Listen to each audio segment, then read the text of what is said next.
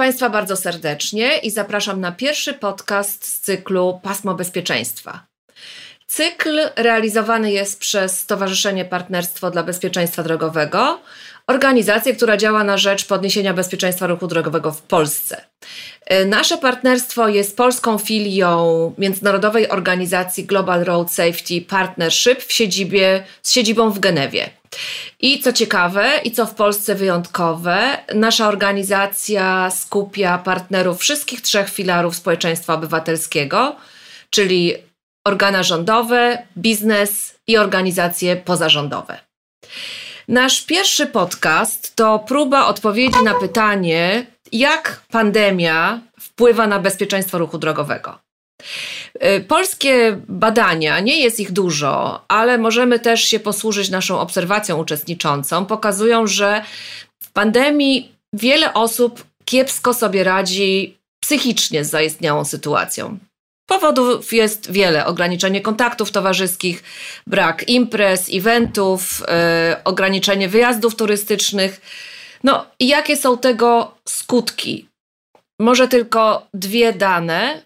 Okazuje się, że 60% Polaków źle sypia albo gorzej sypia, a 40% jest rozdrażnionych i nawet mały stres prowadzi do gwałtownych reakcji. I dlatego dzisiaj porozmawiamy o tym, jak te niekorzystne zmiany w naszej psychice podczas pandemii przekładają się na zachowania na drodze, bo wiemy, że przecież bezpieczeństwo ruchu drogowego to są trzy elementy, czyli infrastruktura, pojazd i właśnie ten najsłabszy element, czyli człowiek. Moimi i Państwa gośćmi w studio są pani doktor Ewa Odachowska, psycholog i pedagog transportu, psychotraumatolog. Pani doktor pracuje w Instytucie Psychologii Akademii Pedagogiki Społecznej, Specjalnej, przepraszam, jako kierownik Zakładu Psychologii Klinicznej Dzieci i Młodzieży, ale wykłada też na Uniwersytecie SWPS. Jest specjalistką w Zakładzie Psychologii Transportu i Fizjologii Instytutu Transportu Samochodowego. Witamy bardzo serdecznie. Oraz y, Marcin Flieger, były policjant, czyli Glina, współzałożyciel Partnerstwa dla Bezpieczeństwa Drogowego w Polsce, a obecnie menedżer programu Road Policing Capacity Building w Genewie, czyli programu zajmującego się, mówiąc e, najprościej, wspieraniem działań policji drogowych w różnych krajach, w których właśnie GRSP realizuje swoje programy. Ja się nazywam Ewa Łabno-Falencka, na co dzień pracuję w firmie Mercedes-Benz. Y, firma była członkiem, założycielem partnerstwa i miałam przyjemność szefować tej organizacji przez dwie kadencje. Szanowni Państwo, samochodów na drogach jest mniej w pandemii, a okazuje się, że prawdopodobieństwo śmierci wypadku jest znacznie wyższe. Weźmy początek pandemii. W pierwszych trzech tygodniach kwietnia, kiedy nasz lockdown był dosyć głęboki, w ponad 600 wypadkach zginęło 91 osób. To oznacza, że prawie co siódmym zdarzeniu ginął człowiek. Rok wcześniej, w analogicznym okresie, zabitych było tyle, że człowiek ginął w co jedenastym zdarzeniu. W koszmarnym dniu 20 kwietnia w 40 wypadkach odnotowano 13 ofiar, co oznacza, że w co trzecim wypadku człowiek tracił życie. Absolutnie dramatyczne dane. I tu pytanie do pani doktor Ewy Odachowskiej. Dlaczego w pandemii jeździmy tak niebezpiecznie? Co się dzieje w naszej psychice, czy raczej z naszą psychiką? Czy my wyłączamy uwagę, czy jesteśmy myślami gdzie indziej? Proszę nam pomóc w rozwiązaniu tego pytania. My musimy na początku zastanowić się, czy rzeczywiście ten wzrost jest wynikiem tego, że to my jeździmy niebezpiecznie, bo wypadek drogowy trzeba pamiętać, że to jest um, taka sytuacja, która jest e, zbiegiem pewnych okoliczności. E, oczywiście człowiek jest jednym z tych e, istotniejszych elementów tego, tego całego procesu, natomiast wypadek jest oczywiście rzeczą nieintencjonalną. I teraz, jeżeli rozpatrujemy tutaj ten wątek, czyli czynnik ludzki, jako tą składową właśnie, mającą ogromny wpływ na, na zdarzenia, to rzeczywiście obserwujemy to, że w, w sytuacji pandemicznej zaczęliśmy jeździć no, jednak trochę bardziej niebezpiecznie, z uwagi na to, że i po pierwsze mamy te e, szybsze prędkości rozwijane, ale i ta ciężkość wypadków e, wzrosła. Ale co ciekawe, tych wypadków wcale nie jest więcej. I to jest też czynnik, o którym za chwilę, za chwilę trochę powiem. Czy jeździmy szybciej w sytuacji pandemii? Dlaczego? Jeździmy, ale nie wszyscy. I to tak jak zwykle, zwykle bywa przy wyjaśnianiu różnych sytuacji to nie jest do końca tak, że każdy z nas będzie miał tendencję do tego, żeby jeździć szybciej w sytuacji pandemicznej. Było wielu, którzy rzeczywiście e, szybciej jeździli, ale po pierwsze były to najczęściej osoby, które są tak zwanymi dopaminożercami, czyli które mają tendencję do ryzyka temperamentalną, e, zwy, zwykle wyższą niż reszta populacji. No i teraz jakby pytanie, czy rzeczywiście to jest jedyny czynnik? No otóż pewnie nie jedyny, bo jeszcze drugi czynnik jest taki, że przynajmniej na początku pandemii mieliśmy do czynienia z sytuacją taką, że tych kierowców na drogach było znacznie mniej, więc te prędkości mogły być rozwijane rozwijane z takim poczuciem, że jest to bezpieczne. Oczywiście wiadomo z punktu widzenia e, psychologii bezpieczeństwa ruchu drogowego, że no, jeżeli im szybciej, to tym bardziej niebezpiecznie. Tak? E, pytanie, czy e, pozostali kierowcy zdają sobie spra sprawę z tego równie, e, w równym stopniu jak e, specjaliści do spraw bezpieczeństwa. E, to jest jeden, jeden element. Natomiast drugi element bardzo istotny, który ma już przełożenie na to, czy rzeczywiście my będziemy funkcjonować funkcjonować jednakowo w ruchu drogowym, e, a że nie, funkcjonuje, no, nie funkcjonujemy i widzimy, że tych wypadków jest pomimo ich ciężkości jest jednak mniej, no to tutaj już mamy do czynienia z kwestią e, dotyczącą jakby sytuacji psychicznej, w której się znaleźliśmy. No i ta sytuacja psychiczna jest rzeczywiście bardzo. Mm, bardzo e, wyjątkowa. E, jak się cofniemy do tego momentu, kiedy e, pandemia się zaczęła, to proszę przypomnieć sobie ten moment, kiedy wszyscy w zasadzie, albo znaczna większość z nas, w sposób taki bardzo impulsywny, ale też kompulsywny, trzeba robić zakupy, żeby przygotować się na to, że nie wiadomo, co się tak naprawdę wydarzy. Człowiek w sytuacji takiego stresu rzeczywiście mm, e, próbuje uruchamiać takie strategie, które będą służyły radzeniu sobie, ale dzieje się to zwykle kosztem e, funkcjonowania naszego poznawczego. Czyli stres wpływa na funkcjonowanie poznawcze, a efekt tego taki, że popełniamy więcej błędów również w ruchu drogowym. E, I to jest też jedna z przyczyn, której ta ciężkość wypadków mogła rzeczywiście tutaj wzrastać. Tych przyczyn, jak widać, jest naprawdę dużo. W tej chwili mamy taką sytuację, że się trochę zhabituowaliśmy do sytuacji pandemicznej. To znaczy, ona trwa już długo, ona nieustannie narusza nasze. To znaczy, przyzwyczailiśmy tak. się, tak? Mhm. Ona nieustannie narusza nasze, nasze takie podstawowe potrzeby. Podstawowe potrzeby, tak zwane potrzeby niedoboru, który człowiek ma, to jest potrzeba bezpieczeństwa, to, jest, to są potrzeby fizjologiczne i to są potrzeby przynależności. I teraz zwróćcie Państwo uwagę, że te wszystkie trzy potrzeby pandemia nam naruszyła i to w sposób naprawdę znaczący. A jeśli pandemia narusza te trzy potrzeby, to nie mogą być realizowane w taki sposób jak wcześniej potrzeby tak zwanego wzrostu, czyli samorealizacji, rozwoju i tak dalej. W związku z tym ludzie zaczęli myśleć o takich rzeczach, które są bardziej jakby związane z e, jak najszybszym powrotem do równowagi. No, boimy się o kwestie pracy, boimy się o kwestie jakby tego, czy rzeczywiście nie zachorujemy, boimy się o bliskich. Izolacja od bliskich to jest kolejna rzecz, która też nie sprzyja, no bo człowiek jednak jest zwierzęciem społecznym, w związku z tym przeżywa też tutaj stres i to wszystko będzie powodowało... To jasne. Mhm. Pani doktor, ale ja muszę jednak dopytać, e, bo e, żyjemy w tej sytuacji pandemicznej, gdzie y, jest bardzo wielka niepewność, gdzie jest dużo obaw, ale przecież nie zwalnia nas to y, z poszanowania przepisów. Co się dzieje, że w tej pandemii jesteśmy bardziej skłonni nie szanować przepisów, jeszcze bardziej skłonni, bo wiadomo, że Polska, jeżeli chodzi o bezpieczeństwo ruchu drogowego, to jest naprawdę w ogonie Europy. I rozumiemy, że ludzie chcą szybkiego powrotu, ale co się takiego dzieje w tej psychice, że my jeszcze bardziej jesteśmy skłonni do tego, żeby nie szanować tych przepisów?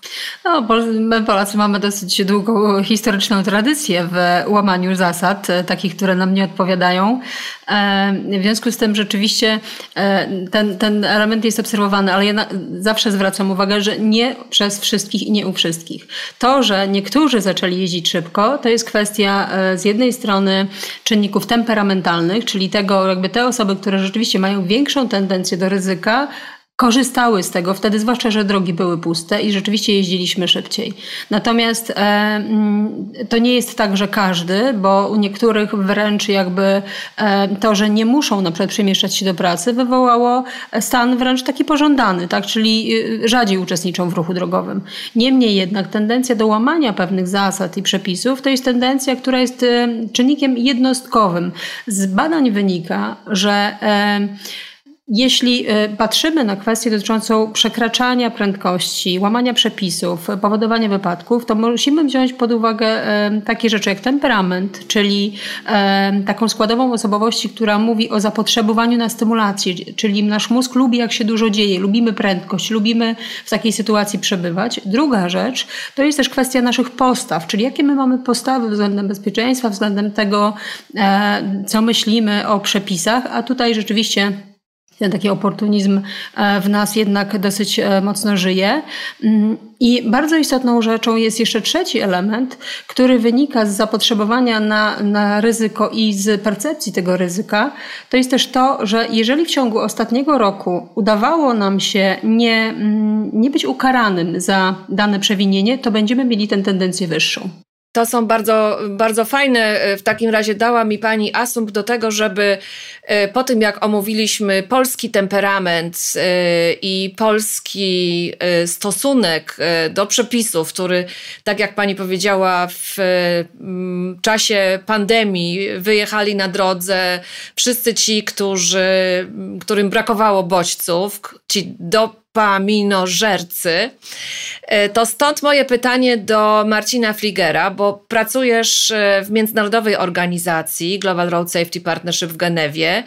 I czy ten fenomen, który tutaj wspólnie zauważyłyśmy w Polsce, zauważyliśmy w Polsce, czyli jeszcze bardziej brawurowa jazda, tak jak powiedziała pani doktor, no nie przez wszystkich, ale przez wielu, i jeszcze bardziej drastyczne nieposzanowanie przepisów. Y, czy te zjawiska występują też poza Polską, w tych krajach, w których pracujesz? Dzień dobry i dziękuję. Na początku chciałem podziękować za zaproszenie do, do tego podcastu. E, I odnosząc się już do, do, konkretnie do pytania, mm, to rzeczywiście tak jest, że te tendencje, o których pani, pani doktor Odatowska wspominała, występują nie tylko w Polsce. One, oczywiście skala jest, jest różna, natomiast generalnie te pierwsze informacje, które myśmy zebrali z różnych źródeł, z kilkunastu krajów i europejskich, i, i, i azjatyckich, i, i z, z Ameryki, z Australii, pokazują właśnie tą tendencję, o której, o której właśnie wspominaliśmy, czyli że z jednej strony mamy spadek liczby zdarzeń drogowych, które, które występują w, w poszczególnych krajach. No, te spadki są różne. Tutaj nie chcę mówić o procentach, czy to jest nie wiem, 10%, 20 czy 30%, bo to moglibyśmy zrobić listę 145 krajów na świecie i to, i to sobie porównywać. Natomiast generalnie taki trend jest obserwowany, to jest, to jest pierwsza rzecz. Natomiast to, co jest obserwowane przez służby policyjne i to, co myślę jest warto skomentować i warto do tego się odnieść, czyli mówimy o zachowaniach y, użytkowników dróg, o zachowaniach kierowców, ponieważ we wszystkich tych krajach jest odnotowywana ta sama tendencja, czyli mm, do jazdy szybciej, szybszej, czyli z większą prędkością niż prędkość dopuszczalna. W tych krajach, gdzie mm, funkcjonują systemy automatycznego nadzoru nad ruchem drogowym, te pierwsze miesiące lockdownu, czyli tej pierwszej fali, czyli marzec, kwiecień, pokazały, pokazały y, no, 10, 16, 20% wzrosty, jeżeli chodzi o liczbę, e, liczbę pojazdów, które przekraczały y, dopuszczalną prędkość, liczbę kierujących, którzy przekraczali dopuszczalną prędkość. E, ja y, pozwoliłem sobie, tutaj wracając troszeczkę na polski, na polski y, ogródek, pozwoliłem sobie takie dane przeanalizować z Centrum Automatycznego Nadzoru nad Ruchem Drogowym. Poprosiłem o dane od marca do września bodajże. I pomimo tego, że e, liczba pojazdów zarejestrowanych, które przejeżdżały przez te miejsca, gdzie są zainstalowane fotoradary, czy taki powiedzmy mały pomiar ruchu, jak, jak, jak duży jest flow pojazdów, wskazał, że tych pojazdów jeździ mniej, to odsetek pojazdów, odsetek kierujących, którzy przekraczali dopuszczalną prędkość, czyli odsetek zarejestrowanych wykroczeń jest mniej więcej na tym samym poziomie, jak w ubiegłym roku, jak w analogicznym okresie ubiegłego roku. Czyli mamy do czynienia z taką sytuacją. Pojazdów jeździ mniej, natomiast no, kierowcy jeżdżą, jeżdżą zdecydowanie szybciej. I tutaj oczywiście te wszystkie czynniki, o których, o których pani doktor Dachowska wspominała, pewnie mają, mają zastosowanie. E, natomiast ja bym chciał y, jeszcze zwrócić uwagę na bardzo, na bardzo ważny element, na taką korelację pomiędzy dwoma rzeczami, czyli spadkiem liczby zdarzeń drogowych i spadkiem liczby ofiar śmiertelnych, bo też to odnotowujemy. De facto takim pozytywnym aspektem y, y, pandemii jest to, że spada liczba zdarzeń drogowych i spada liczba ofiar. Ale przepraszam, że ci przerwę, bo ja rozumiem, że Y, mówisz nam, że taka sytuacja, y, że mm, są y, zdarzenia drogowe, przekroczenie, to nie jest nasza polska specyfika, tylko właściwie obserwujesz to wszędzie na świecie, tak. prawda?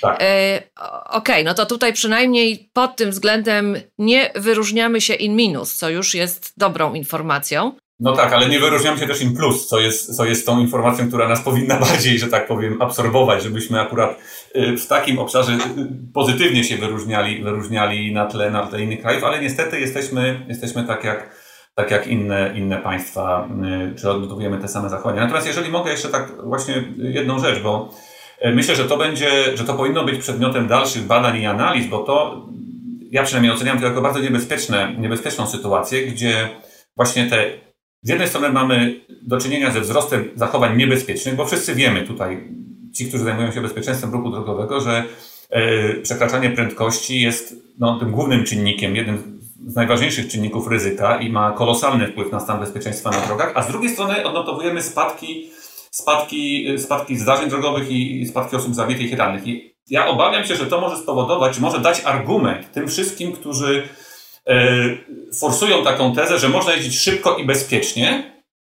I, I to może spowodować właśnie taką sytuację, że po co działania policji, po co ograniczenia prędkości, po co te wszelkie działania związane z, z ograniczaniem tych niebezpiecznych zachowań, jaką jest jazda z nadmierną prędkością, skoro mamy dane z pandemii, że mimo tego, że ludzie jeżdżą szybciej, wypadków drogowych jest mniej. I, i, I, wydaje mi się, że tutaj, y, tak pozwolę sobie powiedzieć, że czeka nas wszystkich osób zaangażowanych w bezpieczeństwo ruchu drogowego bardzo duża praca, żeby y, te, te, informacje czy te, te, dane z okresu pandemii nie, nie zepsuły tej, wszystkiej, tej, tej całej pracy, którą od jakiegoś czasu jest, y, robimy, żeby, żeby budować tą świadomość społeczną i, i, e, i kształtować czy zmieniać zachowania użytkowników dróg, którzy doprowadzać do sytuacji, żeby ludzie jeździli zgodnie z przepisami. No, to jest taka trochę praca syzyfowa, mm, bo widzimy to nawet na naszym przykładzie Partnerstwo dla Bezpieczeństwa Drogowego działa od 2006 roku i ja sama pamiętam bardzo wiele działań, aktywności, kampanii, no ale to jest pewnie taka, y, brzydko mówiąc, never ending story. Ale podchwycę tutaj ten Twój apel y, i zapytam panią doktor y, Ewę Odachowską, jako psycholog transportu, jak pani y, stara się, czy też starałaby się tłumaczyć kierowcom, żeby zmienili swoje zachowanie na lepsze, żeby szanowali przepisy? Jakie są argumenty? Bo my wiemy, że racjonalne argumenty że na przykład jazda 5 km szybciej, na 5 km na godzinę szybciej to jest, przekłada się na 20% więcej wypadków śmiertelnych i tak dalej, i tak dalej. Te argumenty wydają się bez szans. Jak pani argumentuje w sytuacji, kiedy chcemy zmienić e, zachowania kierowców? Z całą pewnością nie stosuję już takich strategii, które e, kiedyś e, dosyć szeroko stosowano. Myślę, że nadal niestety są stosowane te strategie i wiele kampanii społecznych się o to opiera, e, czyli o tak zwane straszenie. Natomiast już dawno udowodniono, że straszenie nie działa.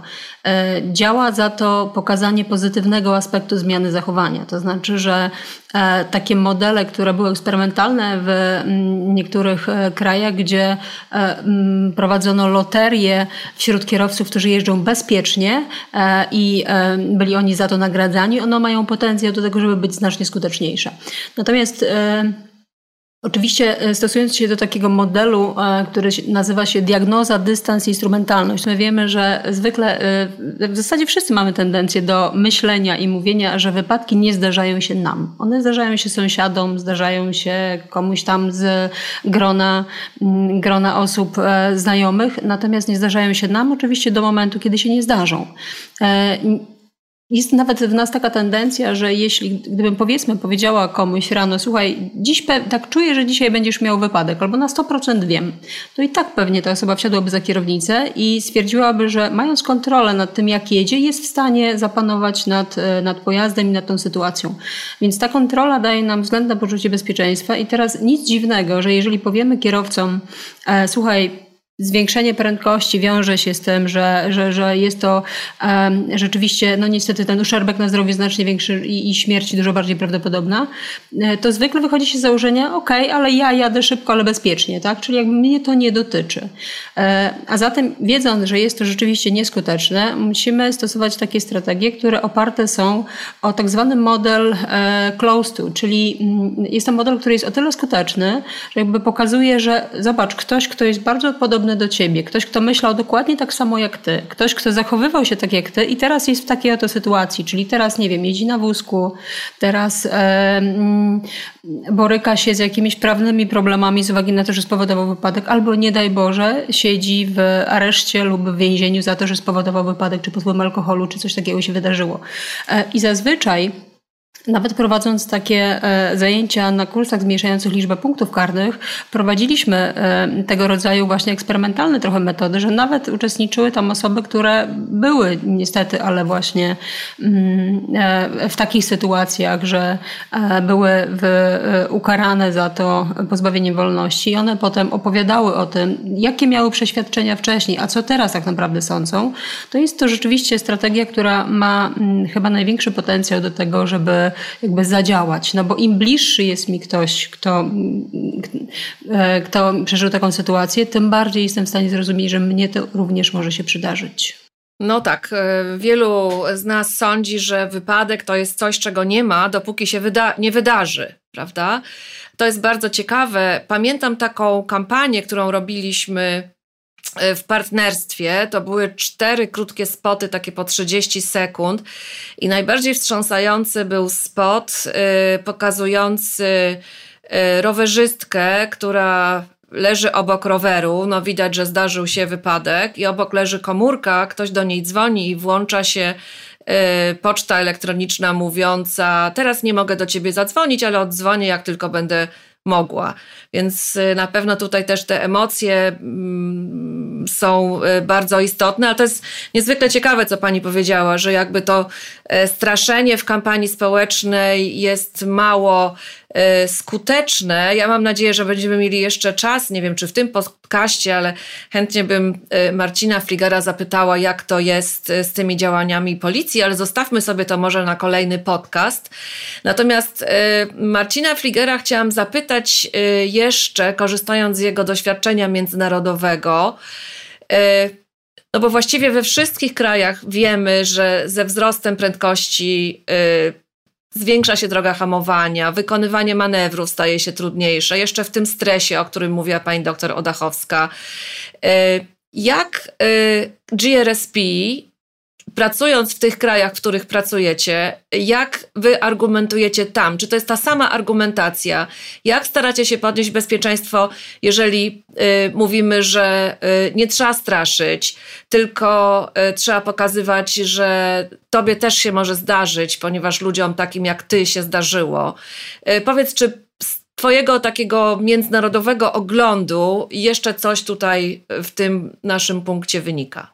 Generalnie y, to, to, o czym dzisiaj rozmawiamy i to, to podejście, o którym pani doktor Odachowska wspominała, to jest taki przykład y, dobrych praktyk, które w zasadzie mają charakter uniwersalny i mogą być zastosowane y, w każdym kraju czy w każdym miejscu, gdzie chcemy osiągnąć efekt. Bo to są rzeczy, które, które osiągnęły efekt w tych krajach, gdzie poprawa bezpieczeństwa ruchu drogowego y, była najlepsza, czy jest najlepsza, w tych krajach, które są, które są wysoko w tych rankingach bezpieczeństwa ruchu drogowego, takie wskaźniki. A możesz nam powiedzieć, możesz nam powiedzieć, które to są kraje przy okazji? Przepraszam, no to, to, że przerywam. Jasne, oczywiście to, to yy, tak, zaczynając od tych naj, najbardziej wysuniętych, czy naj, najdalszych od nas, czyli Australia i Nowa Zelandia, czyli te kraje, gdzie polityki bezpieczeństwa ruchu drogowego są bardzo, mm, bardzo silne. I tutaj celowo użyłem słowa polityki, ponieważ e, to chodzi o całościowe podejście i z jednej strony zrozumienie wagi problemu ze strony władz, które kształtują, kształtują właśnie różnego rodzaju, czy począwszy od przepisów do, poprzez funkcjonowanie policji, edukacji związanej z bezpieczeństwem, E, poprzez działania różnych, różnego rodzaju organizacji wspierających poprawę bezpieczeństwa ruchu drogowego. No i to przynosi te, te określone efekty. Tutaj bliżej, bliżej, e, bliżej nas mamy, mamy Szwecję, mamy Finlandię, chociażby Szwajcarię, gdzie, gdzie te działania e, są, są bardzo, bardzo, bardzo dobre i ten wskaźnik osób zabitych mamy kilkakrotnie czy wielokrotnie mniejszy niż, niż w Polsce, czy nie mówię, już tutaj nie będę się odwoływał do krajów tych, które są na samym końcu listy, gdzie mamy 21 osób zabitych na, na, na 100 tysięcy mieszkańców. Więc te działania to są sprawdzone działania i. Yy, A w Polsce, przepraszam, mamy ile na 100 tysięcy mieszkańców? Przepraszam, że znowu przerywam. Ten przelicznik to jest, to jest, przelicznik to jest 7,8, jeżeli się nie mylę.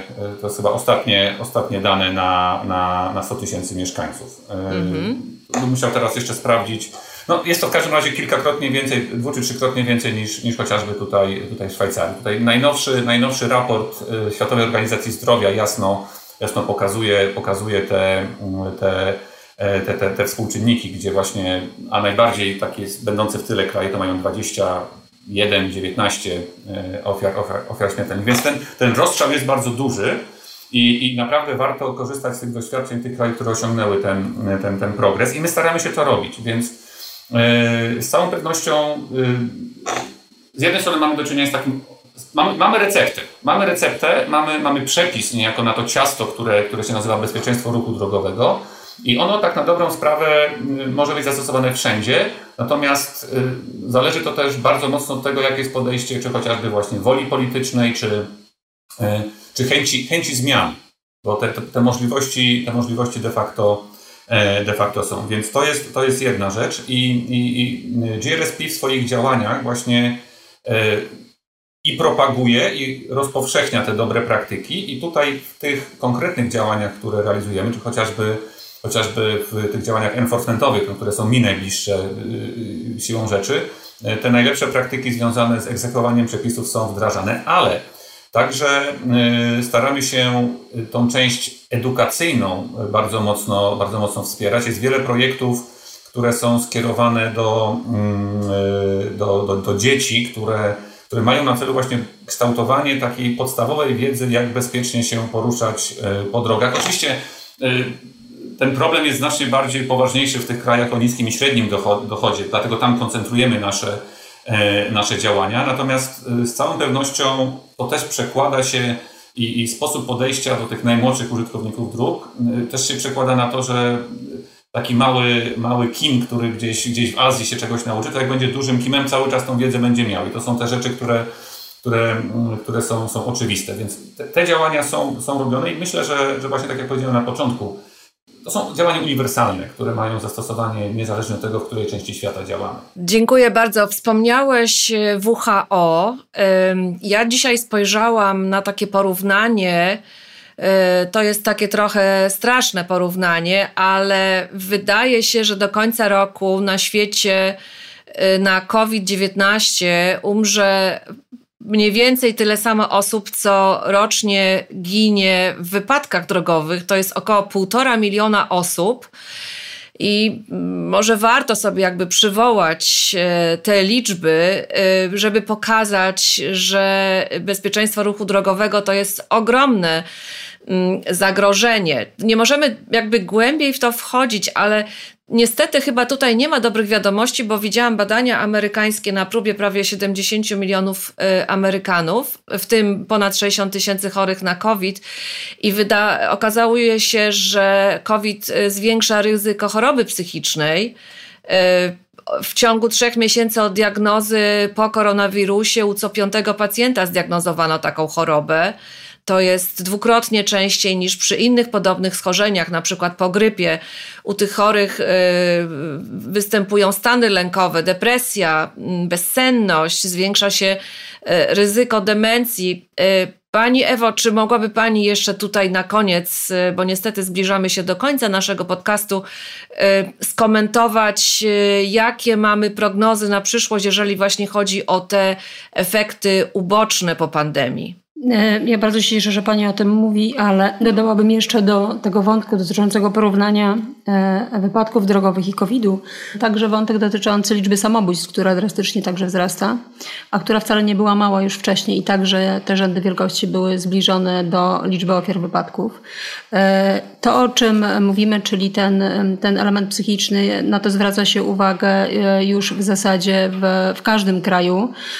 My cały czas na uczelni prowadzimy badania do dotyczące tego, jaki to ma wpływ, e, bo, bo ma przeogromny wpływ na studentów, na, na osoby, które, e, które w ogóle się w tej rzeczywistości znalazły, czyli w zasadzie na nas wszystkich. E, już nawet na samym początku pandemii więcej karetek wyjeżdżało do ataków paniki, aniżeli do samego koronawirusa. W tej chwili rzeczywiście to, wygląda trochę inaczej, no bo jednak mamy odsetek zakażonych osób znacznie większy. Skutki koronawirusa to są nie tylko skutki wynikające z samego zainfekowania, wirusem, czyli tego, że rzeczywiście obserwuje się, coraz więcej badań na ten temat jest, że jednak e, Koronawirus też może wpływać na takie funkcjonowanie ośrodkowego układu nerwowego, które będzie wpływało na ten stan psychiczny i ten wpływ jeszcze nie jest do końca znany i to jest chyba najbardziej trudne do, do, jakby do diagnozy tego, co będzie w przyszłości, ale z całą pewnością będziemy mieli e, problem i już mamy problem z osobami, które podczas e, podczas y, choroby e, miały, były w stanie bardzo silnego stresu związanego z zagrożeniem utraty życia. U tych osób obserwuje się objawy zbliżone do zespołu stresu pourazowego, czyli PTSD, a PTSD to jest zespół objawów, które e, leczy się procedurami różnymi, niemniej jednak nieleczone PTSD e, po dwóch latach przechodzi w trwałą zmianę osobowości. Zwykle pacjenci po doświadczeniach tego rodzaju traumatycznych mówią, moje życie już nigdy nie będzie takie samo. E, I to życie naprawdę zmienia swoją jakość. Ja jako psychotraumatolog pracuję z pacjentami po ciężkich traum, traumach wiele lat, również po, e, mm, z osobami, które są ofiarami, sprawcami wypadków drogowych. E, I te uwarunkowania związane z przebyciem w sposób taki ciężki tej choroby niestety są bardzo spójne z objawami właśnie tego, z czym mamy do czynienia w przypadku PTSD po, po, po ciężkich urazach. Już nie wspominając o kwestii takiej, że sytuacja związana z zagrożeniem podstawowych potrzeb, czyli fizjologicznej, bezpieczeństwa i przynależności, wpływa na to, w jaki sposób my potem osiągamy te wyższe e, potrzeby, czyli potrzeby wyższego rzędu, więc samorealizacji, chęci e, kształcenia, nauki, rozwoju. To jest ogromny wpływ na dobrostan psychiczny, który będziemy obserwować niestety jeszcze przez wiele lat. Proszę Państwa, dbajmy o siebie, dystans, maska, dezynfekcja, jakoś to wspólnie musimy wszystko przetrwać. Yy, najserdeczniej dziękuję yy, moim yy, gościom, którymi byli dzisiaj pani doktor Ewa Odachowska, psycholog, pedagog transportu, psychotraumatolog i Marcin Fliger, Global Road Safety Partnership y, w Genewie. Y, dziękujemy pięknie proszę być zdrowym, tak żebyśmy mogli realizować nasze wyższe potrzeby, żebyśmy mogli się cieszyć, uczyć i rozwijać. Dziękuję pięknie i do usłyszenia w kolejnym podcaście z serii Pasmo Bezpieczeństwa. Dziękujemy bardzo i do widzenia. Dziękuję bardzo. Do usłyszenia.